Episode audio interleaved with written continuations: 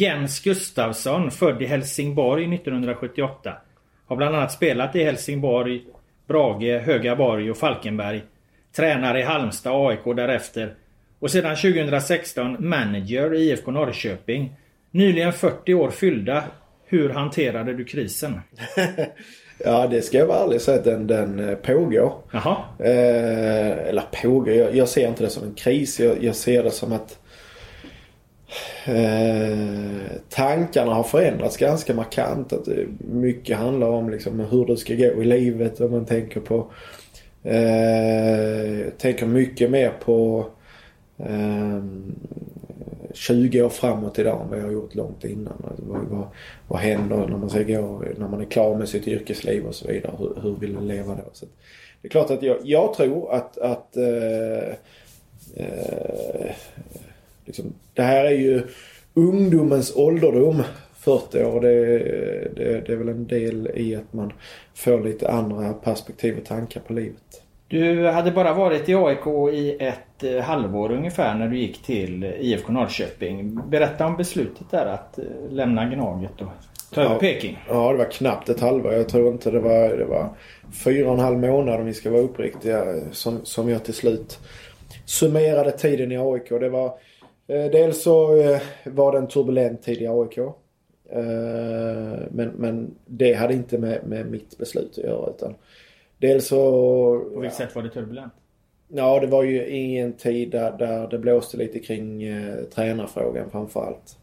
Eh, och ungefär vid samma tillfälle som, som jag tog arbetet som manager i IFK Norrköping så bytte AIK tränare från Andreas Alm till Rickard Norling. Så det var i den vevan då. Men det Påverkade hade... dig någonting? Nej, det hade, det hade turbulensen? Ingen... Nej, det hade inte så mycket med mitt beslut Jag har alltid haft en vilja att eh, ha den här typen av roller. Kanske inte i, i första hand managerroll men, men åtminstone det, det yttersta ansvaret eh, drivs jag ganska mycket utav. Då framförallt när, när saker och ting inte riktigt går som man ska så, så tycker jag att det är då vi ska visa vårt ansvar. Det, det kan du inte riktigt göra i en, i en uh, assisterande roll. Uh, jag är glad för den tiden jag hade i AIK för jag lärde mig väldigt mycket kring hur man känner sig i en assisterande roll som jag använder idag uh, i, i, min roll. Men, Hur känner man sig i en assisterande roll? Då? Ja, det, man kan vara... om, det är ganska lätt att eh, att känna att man inte är så betydelsefull om man inte får eh, frihet och, och eh, eh liksom får ta ansvar för saker och ting. Så det tror jag är jätteviktigt. Men tillbaks till det. Det var ganska enkelt beslut att fatta för att jag, jag hade inte eh, varit varit AIK så länge och det här jobbet lockade mig jättemycket. IFK hade precis vunnit SM-guld och det var ett lag som var på väg framåt med en intressant trupp. Så att för mig var det ganska enkelt. Men du, som du nu säger där, du skulle ta över eh, ett lag som precis hade vunnit SM-guld och dessutom ta över efter legendaren då, Jan, ja. Jan Andersson. Mm. Eh, hade du något att vinna egentligen? Ah, om jag hade resonerat kring mig själv så hade det kanske varit eh, de resonemangen. Jag brukar ju säga att om, om du kommer in i kaos, vilket inte IFK var vid det tillfället, så, så, så är det ganska lätt att, att förändra det och, och bli någon form utav inte hjälte men du kan ju liksom stå främst i kön och säga att ja, nu har vi förändrat det och det var ju min förtjänst. Men, men här handlar det ju inte om, det handlar ju ingenting om enskilda personer på ett eller annat sätt utan här handlar det om att gör, fortsätta göra det som IFK hela tiden hade gjort och byggt upp och liksom istället arbeta med eh, att förstärka de sakerna som redan fanns på plats. Att, eh, hade det varit av egocentriska skäl jag tog detta jobbet så, så hade det såklart inte... Hade det inte... Hela tiden har det ju varit Jannes anda på något sätt fram till för, för kanske ett år sedan. Men här tror jag att komma till någonting som är väldigt välfungerande var, var en ynnest måste jag säga. Du blir manager då som sagt och det kan jag tänka mig se jävligt snyggt ut på visitkortet att vara manager. ja. Och det är ju egentligen så här enkelt att manager innebär att jag är ansvarig både för sportens utveckling och det ekonomiska resultatet. Mm. Och se till så att vi både agerar på kort och lång sikt eh, med, med, med spelartrupp och så vidare. Så det, det, är väl så enkelt. Men titlar är inte så intressant i min Nej. värld. För att det finns inga människor som följer titlar. De följer något annat. De följer mod. Så att det är helt ointressant. Men du är, man kan säga att du är både sportchef och tränare Ja. enkelt uttryckt. Ja. Stämmer. Vad är du mest då? Det går i vågor. Just nu skulle jag säga de, den senaste... Sen, sen vi blåste av sista matchen på Hisingen mot Häcken så har varit mycket mer sportchef. Och även denna veckan. Eh, och kommer säkert att vara nästa vecka med. Och sen, sen så börjar det säkert bli mer och mer tränarskapet som, som tar över mina, min tankeverksamhet. Men jag har ju svårt att vara bara på ett ställe. Jag vill gärna vara med på planen med. Så att, Eh, både och. Men jag, jag har blivit bättre på att hantera dem båda. Liksom, hålla isär rollerna eh, rejält och inte gå in och pilla allt för mycket i, i, eh, på träningsplan när jag faktiskt har tankar på något annat och tvärtom då. Så och där ingår lite personalvård och, Ja, och eh, budgetansvar och Ja, bitarna. och- Men hade du det i blodet liksom? Eller, för det är väl inte några vanliga fotbollstränaregenskaper kanske? Eller, Alltså, eller? tillbaks till det du sa, personalvård. Det ligger ju alltid som nummer ett. Ja. Allting annat ligger som nummer två. Men, men om du inte gör det så gör du ingenting menar jag då. För det är Mm. alltid nummer ett. Men, men jag har en utbildning som beteendevetare. Mm. Eh, vilket gör att jag, jag är eh, genuint eh, intresserad utav den delen eh, och inte bara den taktiska delen ute på planen. Så att det, det måste jag ju säga att det, det ligger mig nära, nära hjärtat så att det har jag inga problem med.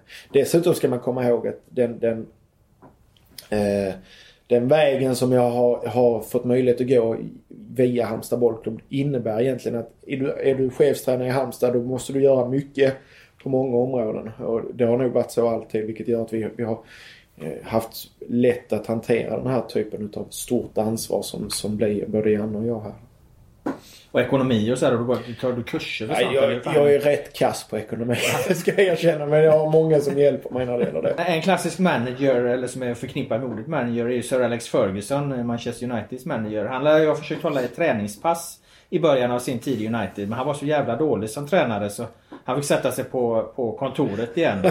Och där var han ju desto bättre när det kom till att rekrytera rätt tränare, delegera ansvar, bygga en stab, värva spelare, lägga upp taktiken för matcher. Vad skulle du säga att dina styrkor absolut är? Eh, jag tar hand om, uh, tar hand om alla. Eh, jag arbetar enormt hårt för att skapa en, en bra eh, vardagsmiljö där alla känner sig trygga. Eh, och det, det, det tycker jag vi har lyckats väldigt bra med här. Vi ser det på utvecklingen utav spelarna. Eh, och det är det enda sättet man kan se det också. Så att eh, det är väl det som eh, dels jag värnar om väldigt hårt och dels jag tror att jag har bra fallenhet för.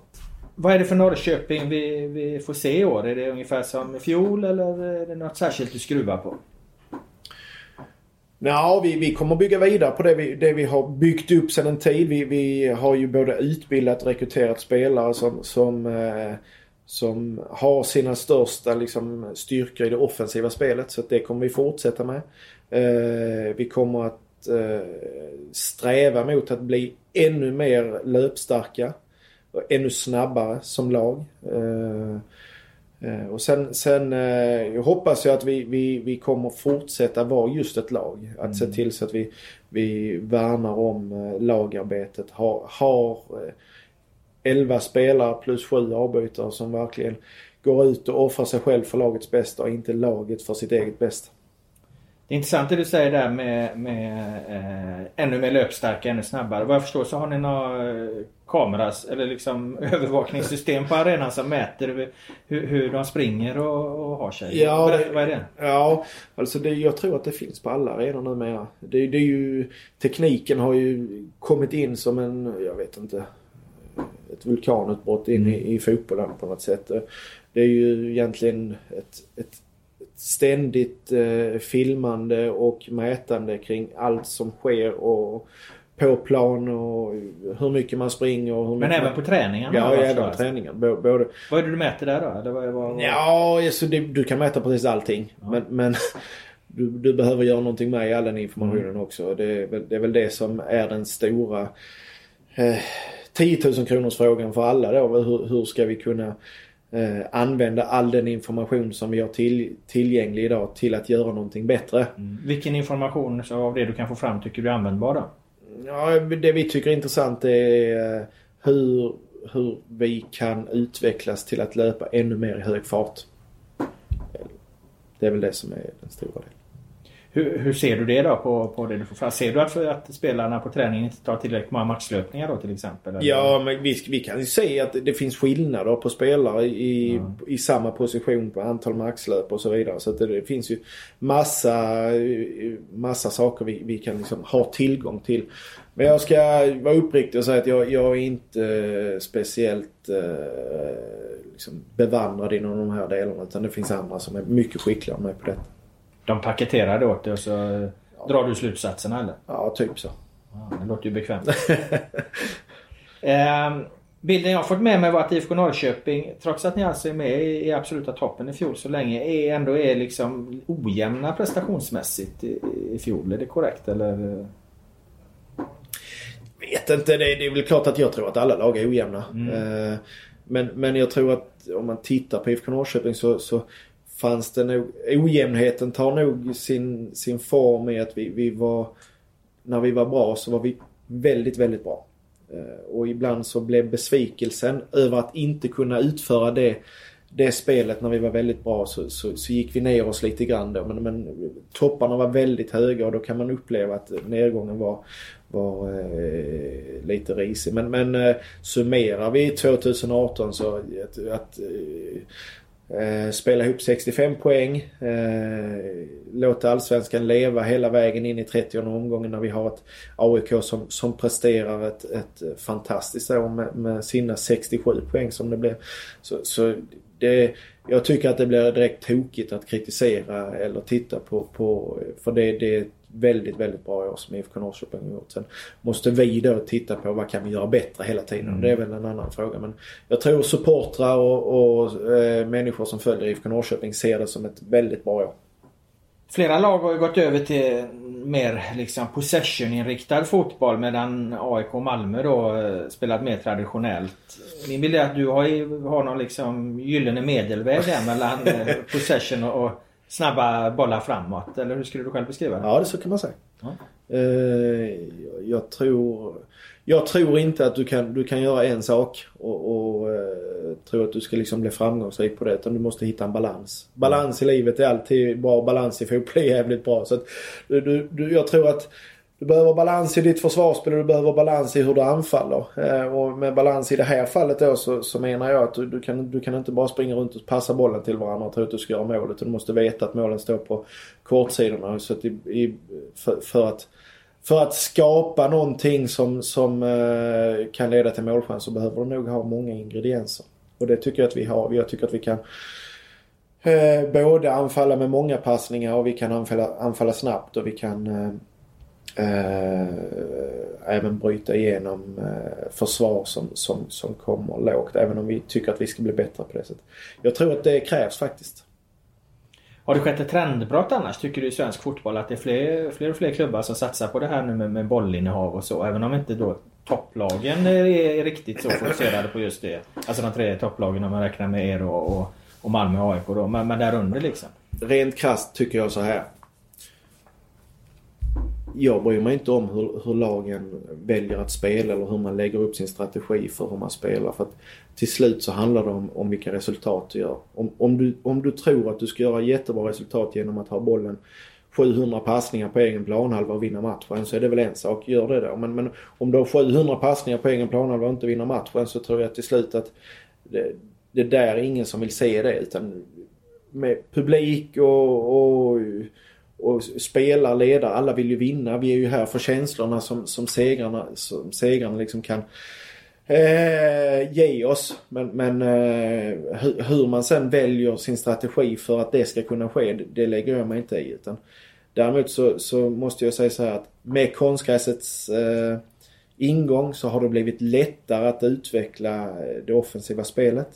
Eh, och med det sagt så kan man säga att eh, för att det ska kunna ske och vi ska ha inspirerade spelare som kommer hit så vi, behöver vi utnyttja det på ett sätt som, som gör att vi, vi använder alla typer av verktyg för att attackera. Ett lag som har förändrat sitt spe, sätt att spela väldigt markant är ju till exempel GIF Sundsvall då, som, som mm. lyckades bra med det år. Medan både IFK Göteborg och Elfsborg gjort liknande försök. Eh, misslyckats mer eller mindre fullständigt. Hur, hur ser du på, på, på det här? Um, ja, alltså jag ser väl nog så här att det, det, har hänt så mycket i alla de tre klubbarna som du nämner. Dels så tycker jag att Sundsvall var gjorde just de här sakerna som jag sa. De, de var väldigt passningsinriktade men, men var också utslagsgivande. Alla lag har sina skäl till varför det går som det går. Eh, men, men jag tror att eh, det, det är svårare än att bara säga att ja, det, det, funkar inte på planen. För att det är saker och ting som är bakomliggande som, som säkert har betydelse för att det ser ut som det gör. Om man, en sista fråga om det här med, med, med trendbrott eller inte då. Mm. Om man tittar på hur landslaget spelar då. Finns det liksom en spricka mellan hur landslaget idag spelar och, och, och vad liksom klubblagen i Allsvenskan jobbar med? Nej, det tycker jag inte. Samma sak där. Att, att se tillbaka på ett landslagsår där man, där man gick till kvartsfinal i VM och liksom kritisera spelet. Det är helt huvudlöst i min värld. Alltså de spelar ju på ett sätt som eh, optimerar deras väg till att göra resultat.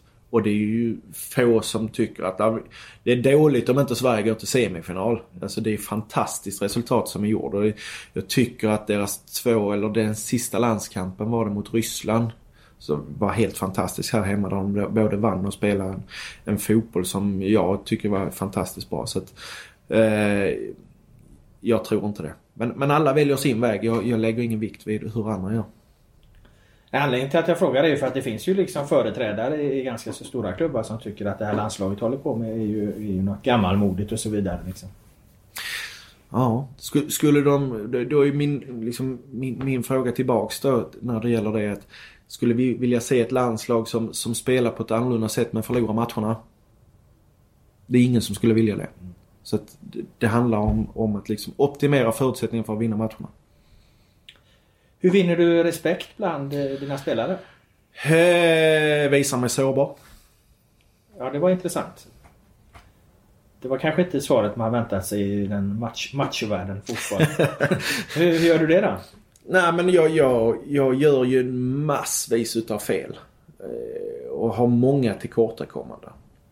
Eh, och behöver Eh, mina spelare enormt mycket, eller våra spelare enormt mycket, alltså IFK spelar enormt mycket för att hjälpa mig i de här delarna och det är väl en del i att, att kunna göra det. Jag, tror, jag tror att jag tror att man vinner respekt på det sättet och inte, inte på något annat sätt. Men, men också att vi... Jag, jag förhåller mig ödmjukt inför alla eh, och ser alla. Har du en annan sida också eller? Där du kan ta i. Jag menar din företrädare här, han, han satt ju lika ofta på, på, på läktaren som nere på bänken när liksom domaren la till för lite övertid och så vidare. Nej men det är klart, det, det, det, det i, i den här känslomässiga världen så, så smäller det till ibland. Och, mm. Eh, men jag, jag, försöker tygla mig eftersom jag är noga med att jag inte vill ångra någonting dagen efter. Att jag, liksom, jag, jag vill göra allt för att vi ska vinna såklart men jag vill heller inte att varken eh, vi ledare eller spelarna uppträder på ett sätt som inte är förenat med den IFK-anda som råder eller att vi, vi ska kunna vara förebilder och, och faktiskt vara stolta över hur vi uppträder gentemot varandra. Det gäller även spe, mot, mot domare och mot, eh, motståndare och allting. Så det tror jag är viktigt. Sen händer det att, att jag tror att det är viktigt att eh, eh, jag behöver höja rösten ibland. Framförallt i omklädningsrummet. Sen tror jag också att det kan du inte springa runt och göra varenda vecka eller varannan vecka heller. För då förlorar du bara förtroende. När höjde du rösten under 2018? Jag gjorde det vid två tillfällen. Ett tillfälle när vi hade mött Sirius. Eller när vi eh, mötte Sirius här. Eh, I halvtid gjorde det då. Och jag mött, gjorde det i samband med att vi hade avslutat, eller dagen efter Brommapojkarna borta. Vad var anledningen? att jag bedömde att spel, för många spelare sprang eh, runt för deras eget bästa och inte lagets bästa. Fick det, vad fick det för effekt? mot Sirius här hemma fick det effekt. Det måste jag säga. Det, det, kan ha varit också, ibland så ger vi alldeles för mycket instruktion till spelarna och så springer spelarna och funderar på det. Eh, och då kan man ibland behöva nollställa dem genom att göra på det viset. Men, men eh, i det här fallet så tyckte jag att det var liksom... Eh, det ser illa ut om, om, eh, om det blir för mycket eh, spelare som springer runt för sitt eget bästa, inte lagets bästa. Det, det är väl där som... Där går topplocket. Skulle du säga att det kvalar in under uttrycket hårtork? Ja, absolut. um, men apropå det här du säger då att du visar dig sårbar och du kanske då har en, en med fotbolls... Uh, ett fotbollssammanhang mjukare ledarskap då. Uh, är det en konsekvens av det som att spelarna emellanåt liksom är ute och, och, och kritiserar det och så? Jag menar du hade Jordan Larsson här nu som tyckte att han blev utbytt i 55 minuten varje gång liksom. Och, och sa det öppet i, i media och så här. Eller, är, det en bra, är det en bra att ni har den typen av dialog? Eller? Vad säger du? Ja, alltså jag tror inte att vi, vi... Dialogen genom media är sällan någonting som, som blir... Eh, så det var Nå någonting som, som är bra. Så det var inte så lyckat att han gick ut där då? Nej men det, det, jag, det är väl också en sån sak som, som tiden har förändrats. Vi kan inte styra vad, vad spelarna säger i media. Eh, om, om de väljer att göra det så, så är de får själv ta ansvar för de delarna. Vi, jag, vi kan inte, eller jag kan inte ta ansvar för vad någon annan säger i media. Det, det får du hantera själv. Men, men eh, jag brukar säga så att media ska vi använda för att hylla laget och inget annat. Mm. Fick du säga till Jordan det efter den? Ja, no, alltså när det gäller Jordan så är det lite speciellt. Har det varit lite speciellt under året för att jag tror att eh, det har varit ganska mycket fokus och, och kameror riktade mot honom som jag tycker är lite obefogat. Eh, och det, eh, ibland så, så, tycker jag att eh, han hanteras lite orättvist i den, i den aspekten. Men, men jag, Menar du att han jämförs för mycket då? Med, med Nej, inte jämförs men, men det är klart att... Med sin pappa då alltså, jag, jag, tycker att förväntningarna på Jordan inte har varit rimliga. Och det det, det tror och hoppas jag att de kommer att vara mycket bättre i detta året så att på så sätt Jordan kan liksom börja eh, prestera på det sättet han vill. Det har påverkat honom negativt alltså. Det kan jag inte svara på. Det får Jordan svara på. Men det är utifrån min horisont så, så, eh, så skulle jag säga att eh, vi, vi, behöver liksom hitta balanserade förväntningar på alla spelare så att det är inte bara Jordan. Mom deserves the best, and there's no better place to shop for Mother's Day than Whole Foods Market. They're your destination for unbeatable savings, from premium gifts to show-stopping flowers and irresistible desserts. Start by saving 33% with Prime on all body care and candles. Then get a 15-stem bunch of tulips for just $9.99 each with Prime. Round out Mom's menu with festive rosé, irresistible berry chantilly cake, and more special treats. Come celebrate Mother's Day at Whole Foods Market. En som söker kamerorna desto mer då är ju... Ja nu skrattar du för du anar väl att vem jag ska nämna då, Simon Tern. Han är också ute och svingar, eh, svingar en hel del. Och uppmuntrar du han till det eller hur ser du på det? Nej men alltså jag tycker att Simon Tern har eh, varit en väldigt frisk fläkt som har kommit in i IFK. Han... Han... Eh, han, han eh, har en enorm tävlingsinstinkt. Eh, har ett ett sätt som väldigt levnadsglad eh, och inga ledsamheter. Har gjort väldigt gott för oss eh, på plan framförallt. Men, men också utanför plan där han, där han har ett sätt att kunna eh, inkludera alla eh, med en enorm humor. Så jag är väldigt glad att han är i IFK. Jag tycker att han, han har tagit enorma kliv i sin utveckling sedan han kom också. Sen, sen eh, samma sak där. Han, han får säga precis vad han vill i media. Men han får själv ta ansvar för vad han säger. Men ibland säger han ju som senast där att eh, det går inte med den här truppen. då blir det ju direkt, frågan direkt eh, till dig där. Då håller du med honom? Han är för dålig trupp. No, alltså så här är det väl att vi... vi eh, som allting annat så vill alla att det ska gå lite snabbt. I, mm. Lite snabbare än vad det själva verket gör. Men, men jag tror att när, när det kommer till att vi ska börja spela matcher så har vi en slagkraftig trupp definitivt här. Så att jag är inte så orolig för det. Som den är idag? Både som den är idag men, men eh, som, som jag tror att den kommer att bli också. Mm. Jag är ju rätt, lite orolig för att ni kanske kan eh, floppa lite jämfört med fina år. Då, och det bygger jag på att förlusten av Andreas Johansson kommer bli oerhört eh, kännbar. Jag tror att han har betytt så, så väldigt mycket. du får väl rätta mig varför jag har fel där då. Ja, vi, jag tror såklart inte att vi kommer att floppa men om andra, om, om du tycker det eller om fler tycker det skiter vi i. Mm. Uh, det var nog väldigt få som trodde att IFK Norrköping skulle utmana AIK under fjolåret. Och det, det är väl en, en, eh, en, liksom en någon form utav vardag vi lever i. Att vi, vi lever lite i skymundan men vi är rätt så bra.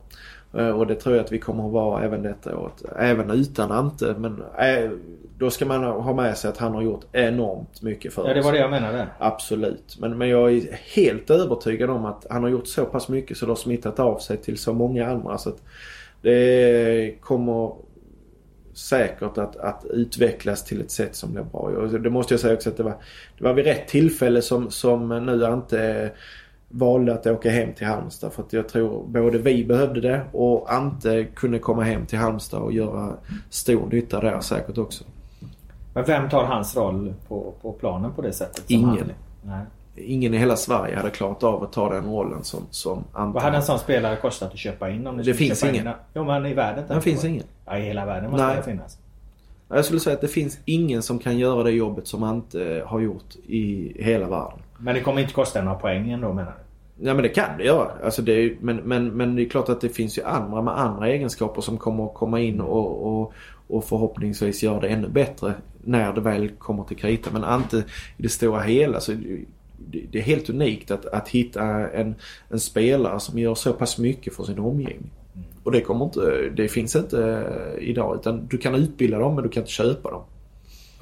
Måste ni ändra liksom i, i formella backlinje och, och uppspelsidéer och sådana bitar? Ja, jag tror att det, fin det finns saker som, som vi behöver arbeta med som, som jag som tränare tog självklart på när, när Ante var i laget. Till exempel att hur vi ska spela upp bollen. Det, det, det klarar inte eh, med bravur varenda gång. Hittar han lösningar som, som vi inte hade tränat på. Mm. Eh, men också eh, när vi ska falla av med backlinjen och, och den typen av saker. Sen finns det ju saker som eh, spelare som kan komma in med, med, med, större fysisk kapacitet än vad Ante hade och så vidare. Så det, det, det, är olika beroende på vem som spelar. Vem ska vara lagkapten i Norrköping 2019? ja, det har jag faktiskt inte beslutat. Det, det tänker jag fatta ett beslut om eh, när, när vi börjar närma oss eh, cupmatcherna tror jag. Vilka väljer du mellan? Ja, det finns en del som jag tycker av olika anledning eh, kan vara aktuella. För det dels så finns det ju spelarna som har fostrats här som har varit ute och kommit hem igen. Totte Nyman då? Totte, Alle Fransson. Sen finns det de som har en naturlig pondus och ledaregenskaper som, som också skulle kunna vara intressanta för detta. Men jag, jag, eftersom att vi, vi har fortfarande inte samlats hela, hela gänget för att det är ett gäng som är i Qatar och ska spela. Så mm. Inte förrän alla samlas och jag ser var, var den här gruppen tar vägen så tänker jag fatta ett beslut om det. Eftersom alla pratar om vad som händer när han inte försvinner. Det kan man inte veta förrän han har försvunnit. Mm. För det är först då som man ser var dynamiken tar vägen. Så vi får se när alla kommer tillbaka. Vad vill du framförallt ha av en lagkapten? Olika också beroende på vilken person det är. När, det gällde Ante så var det ganska självklart att han fick ett enormt ansvar. Eh, han fick vara med och, och, och eh, bestämma på vilket sätt vi skulle träna och eh, egentligen allt som, som hade med vardagen fram till laguttagningen så hade han en del i men hade inte en del i laguttagningen. Uh, och det tror jag inte att nästa lagkapten kommer att ha på samma sätt. För att det kommer varken han eller jag vara trygg med. Utan det är beroende på vilken person som kommer in. Mm. Eh, Totte Nyman blir klar här nu i dagarna. Hur ska du använda honom? Ja, eh, som forward såklart. Eh, det, det, det är helt unikt att, att vi i IFK får hem både Alexander Fransson i somras och Totte Nyman nu. När, när de är i sin bästa ålder. Eh, och jag skulle säga, nu tar jag inte ut A-landslaget, men jag tror att de kommer att aspirera där ganska snabbt. För att det, det är två spelare som, som är väldigt, väldigt eh, Väldigt, väldigt bra på alla sätt och vis. De är dessutom ödmjuka inför lagets bästa alltid. Så att det är eh, fantastiskt att vi har fått hem dem. Men hur många mål måste inte Nyman eh, göra då för att komma, bli aktuell för A-landslaget med tanke på att eh, skytteliga en av skytteligavinnarna här, eh, Sundsvall här nu, Hallenius. Ja. Han var ju inte ens med i januariturnén eh, trots alla mål han vräkte in. Kollar Janne för lite på Allsvenskan eller? det får du fråga honom. Det tror jag inte. Det kan jag inte svara på. Men du tror ändå att Nyman kan bli aktuell för landslaget? Ja men det tror jag. Alltså, innan han skadade sig så, så var han ju definitivt aktuell. Och, eh, han är i en ålder där han bara blir bättre och bättre. Så jag, tror, jag tror definitivt att han kan bli det utan att jag liksom tar ut något landslag. Men vad ser du? Han centralt i tremanna? Ja, vi, vi, har väl, vi har väl lite tankar kring eh, att, att eh, även förändra. Kanske spela med två forwards istället. Vi får- 3-5-2 då? Ja, eller något annat. Vi får se. 4-4-2? Ja, man får se. Men, men... Men du ska över i en trebackslinje här nu när Andreas... Ja, är det också en del i det eller? Ja, det, vi har inte bestämt. Så kan jag säga. Eh, men, men med David Moberg Karlsson såld eh, så, så eh, upplever vi alla att vi har forwards som, som mår bättre utav att spela tillsammans med någon väldigt tajt. Då. Så det det är väl en, en del i att vi, vi har lite tankar om att ändra lite grann. Men allting är uppbyggt på att spelarna ska få använda sina bästa egenskaper så ofta som möjligt. Det är ju torsdag idag och jag kanske hinner skriva ut den här intervjun imorgon fredag och publicera framåt lördag och, och få ut podd och så vidare. Hinner du bränna till med något nyförvärv innan dess så att det vi har pratat om är, inaktuellt eller? Hur, Nej. hur mycket har du på gång? Ja, alltså... Vi, vi, vi har lite på gång, det kan jag erkänna. Eh, men jag ska vara uppriktig och säga att jag vet inte om det, om det blir något överhuvudtaget. Och eh, vilken tidsram det då är. Men, men eh, så som Simon och andra har, har liksom lagt upp det att vi ska få in 5-6 nya spelare. tror jag inte IFK blir bättre utav. Utan däremot så ska vi få in bra spelare. Som är som att vi har fått in 5-6 stycken. Så vi, vi ska... Eh, vi håller på och förhoppningsvis så kommer vi i mål med något här nu inom den närmsta tiden. Vad är det för något då? Position? Mittfält. Kant centralt? Centralt. Vi får se. Där har du ändå också ganska bra ställt. Väl? Ja. Men, men de, de här, den här typen av rekryteringar både på, på kort och lång sikt. Alltså vi, vi måste resonera kring vad som eventuellt kan hända i vår trupp i sommar. Eh, Och sen ska du spela 3-5-2 då såklart. Då behöver du tre centrala där va? Så det kanske är mer lutat åt 3-5-2 då. Det, du kan fotboll. Ja. Vi får se. nu ska jag dra in en offensiv eh, mittfältare eller lite mer defensiv. Ja, det är väl också en viktig aspekt. Och när du tittar på IFK så ser du ingen som är mer offensiv eller defensiv. De är både och. Och det tror jag är en viktig aspekt i fotbollen idag. Att du kan liksom hantera både det offensiva spelet och det defensiva. Alltså du, du behöver agera i båda straffområdena som mittfältare. Åtminstone i IFK Norrköping idag. Jag träffade Jesper Jansson häromdagen, Hammarby sportchef. Han menar att Malmö och AIK blir svåra att rå på för alla lag egentligen. Men att eh, hans Bayern då ska vara därefter tillsammans med bland annat Norrköping nämnde han. Hur ser din bild ut av de allsvenska styrkeförhållandena här nu inför säsongen 2019? Mm. Som jag nämnde så tycker jag AIK har varit fantastiska det här året.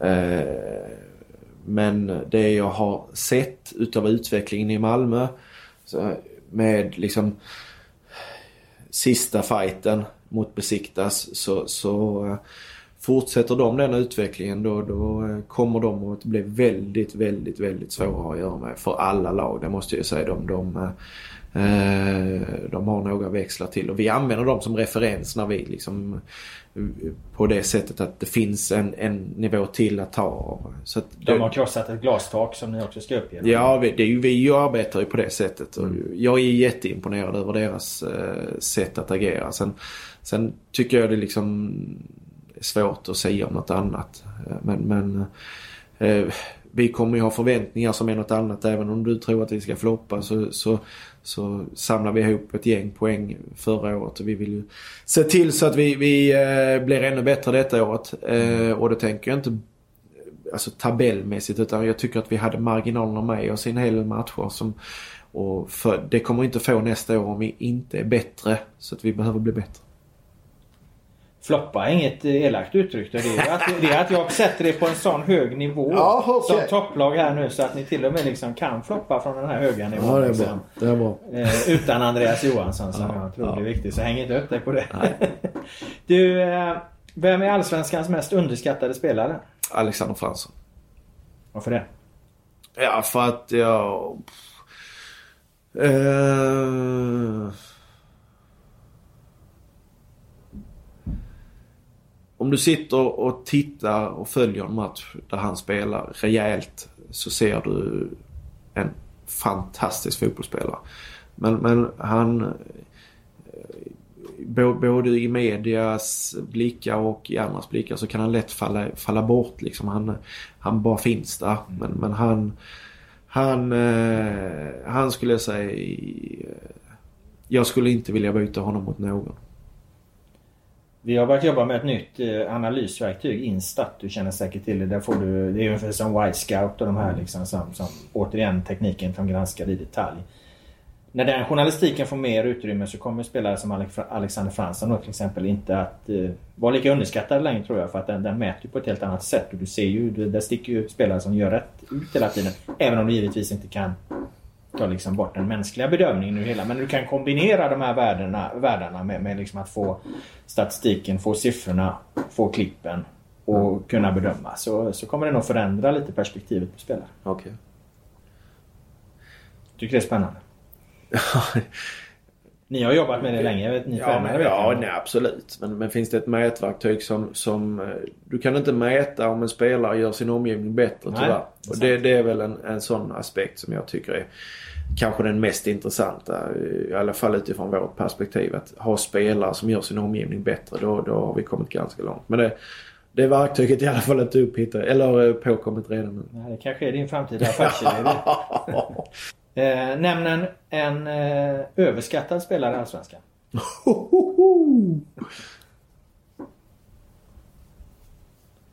Ni brukar ju klaga på att ni inte får några rubriker här i, i Norrköping. Här media inte skriver. Nu har du chansen. Vill du säga Ante Johansson? Nej jag skojar bara. Det är han ju definitivt inte. Men han har ju slutat nu. Men alla pratar om honom. Nej jag, jag, det, jag är kass på sådana svar. De, svaren får du inte av mig. Nej, jag misstänkte det. Så jag hade redan förberett en följdfråga. Ni brukar ju klaga på det i Norrköping att ni får inte så mycket uppmärksamhet och, och skrivs inte så mycket. Det återkommer. Samtidigt så har du varit i AIK. Du vet ju när liksom den raka motsatsen. När det, när det är ett satans fokus och det liksom vänds på varje sten och så. Vad, vad föredrar du? Vilken miljö är, är bäst?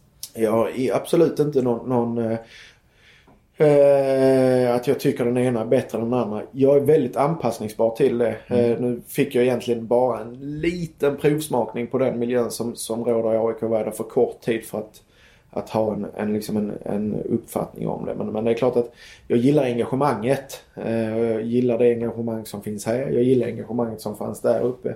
Här är, är det väldigt balanserat och bra. Så att, men, men jag tror att det behöver vi älska. Pressen och engagemanget som är från, från supportrar och sponsorer. Det, det är ett bra tryck här så det är bra. Mm. Men Stockholmsklubbarna brukar ju alltid tala om, och möjligen Malmö och Göteborg kanske, hur unikt det är med att, att eh, det är svårare för spelare, unga spelare att lyckas därför att det är sånt tryck från läktarna och lyckas de så blir de liksom kund på Södermalm alldeles för snabbt och så vidare. Alltså att det, det, det, det är liksom utvecklingsmöjligheterna hämmas av den där liksom engagemanget och fokusen också. Ja, kan det vara. Eh, kan Men jag tänker om du har en bild av det som har varit i båda världarna liksom. Ja, nej men alltså jag... jag om, som jag sa tidigare här att vi jobbar ju för att spelarna ska våga misslyckas. Eh, om, om spelare misslyckas och det står 10 000 och buar om du slår en passning fel eller du liksom skjuter ett skott över. Då, då, då tror jag att det blir lite svårare att skapa utveckling utifrån det. Då behöver du vara ännu skickligare på att skapa den, den eh, vad ska jag säga, kärnan som, som verkligen jobbar med det. Så att det är klart att publiken har stort eh, inflytande kring hur, hur, hur laget utvecklar sig, hur individuella spelare utvecklar sig. För att vi behöver en, en för- förlåtande del när det gäller de sakerna. Men vi behöver eh, tuffhet när det gäller att, att göra löpa för lagets bästa. Och det har jag inga problem med. Publiken blir tokig om man inte gör. Om de reagerar på någon som inte tar, tar jobbet Absolut. folket. Absolut. Då gör de som jag vill. Du kommer ju själv då från en riktig fotbollsfamilj då, son till Tommy Gyxa Gustafsson i Landskrona Boys. Eh, Mamma var det också idrott? idrottare, Nej, eller? nej, nej. Det var det inte. Inte mer än att hon har varit med mycket med, med både pappa och mig när det gäller fotboll. Har du eh, syskon också som idrottare eller? Ja, både och. Men just nu idrott, idrottar de inte. De är lite äldre så att de idrottar inte nu. Hur har, hur har det format dig då att, att växa upp i en idrottsfamilj? Ja, det är också sånt som jag har börjat tänka på i den här rollen Och det är klart att jag mer och mer har jag börjat inse att jag var ju uppfostrad i ett omklädningsrum. Jag var ju med pappa på alla typer utav träningar, alltid. Det fanns ju inte någon gång när han var på träning själv. Utan jag var ju med överallt hela tiden. Och sen min mamma har ju alltid haft arbete som, som har inneburit ledarskap. Och det, det är klart att de två delarna gör att jag säkert sitter här idag. Vad jobbade hon med då? Eller jobbar... Ja, hon jobbar med ledarskap inom äldrevården. Personalansvar. Vad ville du bli som liten? Brandman. Brandman? Ja. Och sen? För det brukar man vilja när man typ är fem eller? Ja, det var jag. Men du sa Ja. lite. Ja okej. då. när du blev lite äldre då? Ja, var, det bara, alltså, var det fotboll? eh, Ja, alltså, jag hade ju en liten hemlighet där. Jag ville ju bli fotbollsspelare såklart. Ja. Men, men hemligheten var att jag insåg ganska snabbt att det kommer jag inte att bli för jag är inte snabb nog. Så att jag, jag har ju mitt drömyrke nu. Att, att kunna vara fotbollstränare. Och det, det gjorde att jag förberedde mig för detta yrket. Nej, men när kom du på det? Ja, 20-årsåldern Ja, fattade jag att det, det blir inte lätt att bli snabbare. och då blir det svårt, insåg jag. Så att då, vid den tiden så började jag resonera kring att i mitt eget huvud att jag måste börja resonera. Hur, hur ska jag vara som tränare? Hur ska jag absolut inte vara? Är det då du utbildade till beteendevetare? Den Ja, det tog några eller? år till innan jag Ja. mognade så att jag kunde gå en högskoleutbildning. För det är ju inte alla fotbollstränare som har tänker jag. Framförallt inte hade. Nej, jag tror inte att det är någon som har det. Nej. Eh, Det blir ju mer och mer specialiserat också. Att, eh, men, men eh, utifrån mitt eget perspektiv så har jag otroligt mycket nytta utav det. Kanske hur mycket som helst utav min vardag går, ut, går åt att liksom ha mer nytta utav den utbildningen än egentligen fotbollstränarutbildning. För du sa i början av, av vårt samtal här att eh, du drev vidare Norrköping i Jannes anda tills, fram tills för ungefär ett år sedan. Eh, vad var det du ändrade på då? Har det med det här att göra? eller? Nej, det har det inte. Utan det är, det är väl mer att, att det fanns ingen anledning att ändra på saker och ting. Sen, kommer, sen har det ju skett otroliga ändringar med människorna som har kommit in. Mm. Och, och jag är säker på att allting går lite snabbare än vad det gjorde 2015 nu med, när det gäller allting. Och media är lite mer tuffa och allting har liksom skruvats till lite till och då måste vi ju skruva till eh, miljön lite till också. Men, men vi, har, vi har aldrig någonsin funderat på att ändra någonting som redan fungerar i detta. Men det har blivit lite mindre frågor, eller lite mindre eh, påståenden där man säger att så här gjorde vi på Jannes tid. Det, det, liksom, det har blivit mindre och mindre utav det. Hur ser du på det? Ja, alltså jag har aldrig gått in i den kampen någon gång egentligen. Utan jag har ingen, ingen, ingen anledning att, att gå in i den. Utan, men men eh, det är klart att det är väl som allt annat. Det, det glöms bort till slut. Och det, nu är det väl inte så mycket. Har du något liv utanför fotbollen? Hinner man med det? Jag är familj eh, som jag skulle vilja hinna med lite mer. Eh, och det, Många barn? Ett barn. Ja. Det blir jag bättre och bättre på. eh, Att balansera yrket och samtidigt som jag har otroligt bra medarbetare som jag är väldigt glad att de finns här för att jag är inte alls rädd för att delegera till dem. Eh, Så att på det sättet får jag lite mer tid över till familjen också. Vilken är din största motgång i livet?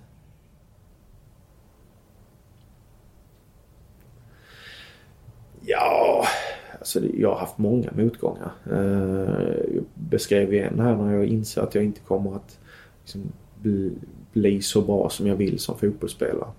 En annan färsk motgång var ju den, eller färsk är den inte längre, men, men motgången som, som skedde när jag fick eh, lämna jobbet i Halmstad var ju en tuff tid i livet. Eh, att inte vara önskvärd längre på sitt arbete. Lite överraskande eller förvånande. Eh, blev ju en, en tuff eh, smäll. Eh, som var, som jag ser tillbaka på som en helt fantastisk tid efter den. Där jag verkligen eh, bestämde mig för, för eh, att jag skulle ändra ganska mycket i vem jag är och eh, hur, hur jag ska ta mig an nästa uppdrag om jag får chansen igen. Så det var ju en, en eh, fantastisk tid som följdes utav det. Men du som är bra på att sätta ord på saker och ting. Vad, hur, beskriv den där känslan att det inte var önskvärd som du sa. Vad, vad skapade det för liksom, tankar och, och känslor hos dig? Ja, det, det är lite som en, en, en bilkrasch där man resonerar om att när någon har råkat ut för en bilkrasch så tänker man att det händer aldrig mig i alla fall. Och lite samma sak så kan, kan man resonera i, i yrket. Ja men alla får kicken. Ja men det händer inte mig. I, i yrket som fotbollstränare ska vi lägga till. Men, men eh, det händer även mig. Och det, det, är väl det som är den stora delen där. Att jag, tro, jag tror att vi får vad vi behöver mm. för att utvecklas. Och det, det har varit eh, väldigt bra för mig. Skulle jag anställa en tränare idag så skulle jag sätta det ganska högt upp på, på meritlistan att ha fått kicken. Om det har varit en, en eh, om man kan se att du faktiskt stannade upp och började analysera dig själv. För att det är oftast det som är den stora grejen. Och inte bara sköt pil på alla som, som hade försatt dig i den situationen utan gick till dig själv.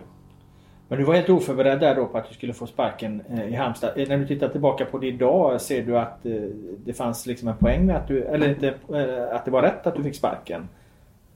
Har du analyserat det på det sättet? Jag, jag, tror inte man sparkar mig från Halmstad för att jag skulle bli en bättre fotbollstränare. Nej, det var, inte, det var inte din personliga utveckling jag menar. Jag menar att det fanns, faktiskt, faktiskt fanns ett skäl att, spark, att sparka dig. Eller gjorde, tycker du fortfarande att han gjorde fel?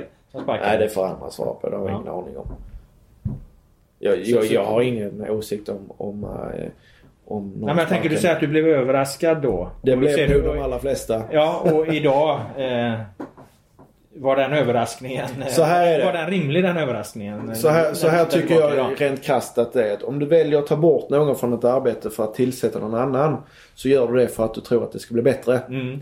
Blir det inte bättre så var beslutet fel. Blir det bättre så var beslutet rätt. Punkt slut. Sen liksom kan man lägga kan man lägga bort alla känslor kring det och liksom alla svek och vad man tycker och tänker om saker och ting. Men det, de facto är att det enda vi kan mäta är resultatet utav dina beslut. Och det, då får du liksom ta ansvar för dem tycker jag. Och det kan man väl inte säga att det blir bättre eller? Det får ju... Det får någon annan svara på. Mm. Svek nämnde du. Var det ett svek när du fick gå från Halmstad? Nej men du resonerar ju så i din, i din liksom e egna värld att du, du mm. tycker att du har blivit liksom eh, orättvist behandlad oftast eh, och så vidare. Och det, det är väl det, det, är ju en process som du måste gå igenom att, att ta dig förbi de delarna. Precis som när spelarna tycker att de är orättvist behandlade när, när de inte får spela. Och hur ska du ta hand om detta? Ska du tycka att beslutet är helt uppåt väggarna och dessutom så tycker du personen som har tagit beslutet som är helt konstig. Eller är det faktiskt någonting som du kan förändra hos dig själv för att han ska fatta andra beslut i framtiden eller för att din framtid ska, ska innebära att du spelar eller har ett nytt jobb. Resultatet blev ju att du upptäckte då eh, att du behövde jobba med vissa saker hos dig själv, eh, nämnde du där. Vad, vad var det framförallt du utvecklade då efter den här tiden? Leder, ja, ledarskapet framförallt. Mm. Uh, och i perspektivet på mig själv. Och hur, jag, hur jag ska liksom förhålla mig till fotbollstränaryrket i framtiden. Så det, är väl, det är väl de delarna som, som uh, uh, blev den personliga utvecklingen. Så det är väl som jag sa. Eh, det var en väldigt bra tid. Som det oftast är i motgångar. Det är ju oftast i, i de här uppförsbackarna som sker som vi visar vår innersta karaktär. Och det, eh, det kommer till oss att vi behöver det. Du nämnde här, jag tror det var innan vi satte på eh, banden till och med att, att när det kommer liksom till en spelare ska utvecklas från nivå 3 till nivå 7 liksom så, så kan man inte vara samma människa när man har, har nått upp eh, till ett par nivå, nivåer högre. Eh, jag antar att det gäller samma för dig. Vad, vad, vad menar du? Utveckla det. Nej, jag, jag tror så här att, att äh, mång, vi, vi pratar ju om att du, får, du, du ska ha lite bättre högerfot, vänsterfot, du ska nicka bättre, du ska skjuta bättre, du ska tackla bättre eller vad det nu är. Och det är väl en sak va? Men, men, men jag tror att för, för att få för att landa i din utveckling, vad det nu än är, så tror jag att du måste ändra dina tankebanor. Mm. Och ändra dina tankebanor gör du inte genom att liksom vara kvar i den personen du en gång var. Utan du, må, du måste liksom utvecklas till en annan. Eh, inte för den sakens skull att du behöver bli, behöver kanske bli en annan människa än vad, vad, du var vid det tillfället. Jag kan se tillbaka på mitt eget liv att jag hade inte kunnat vara manager i IFK Norrköping och vara den personen som jag var när jag var 20 år. Inte 30 heller för den delen. Jag tror att vi, vi liksom vi, vi, vi måste börja prata om att vi, vi, vi måste ändra vår, vår personlighet för att, för att nå nästa steg och nästa steg. Hur ändrade du din personlighet efter kicken i Halmstad och till idag skulle du säga? Jag tror jag blev mycket ödmjukare. Uh, uh, Det här med att du vågar vara sårbar som du nämnde tidigare. Det, ja definitivt, det... absolut. Uh, Eh, jag eh, vågar vara ännu närmare spelarna idag. Och jag vågar också vara mycket tuffare mot dem. Eh, jag är med an... Alltså... jag ändrar nog mig själv i... i egentligen i,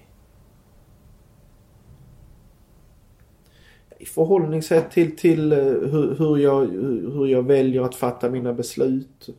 Eh, vad jag bygger upp dem på, vad jag tror eh, kommer att vara lyckosamt för andra människor och så vidare. Så det, det är väl egentligen, så, jag har svårt att peka på en sak men det var väldigt många saker som gjorde att jag fick andra perspektiv. Framförallt så fick jag, ett, eh, fick jag många eh, många saker som föll på plats i, i mitt sätt att tänka.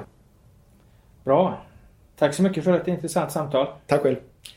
Och eh, Allsvenska podden är tillbaka med eh, fler intervjuer under försäsongen. Tack så mycket för att ni lyssnade.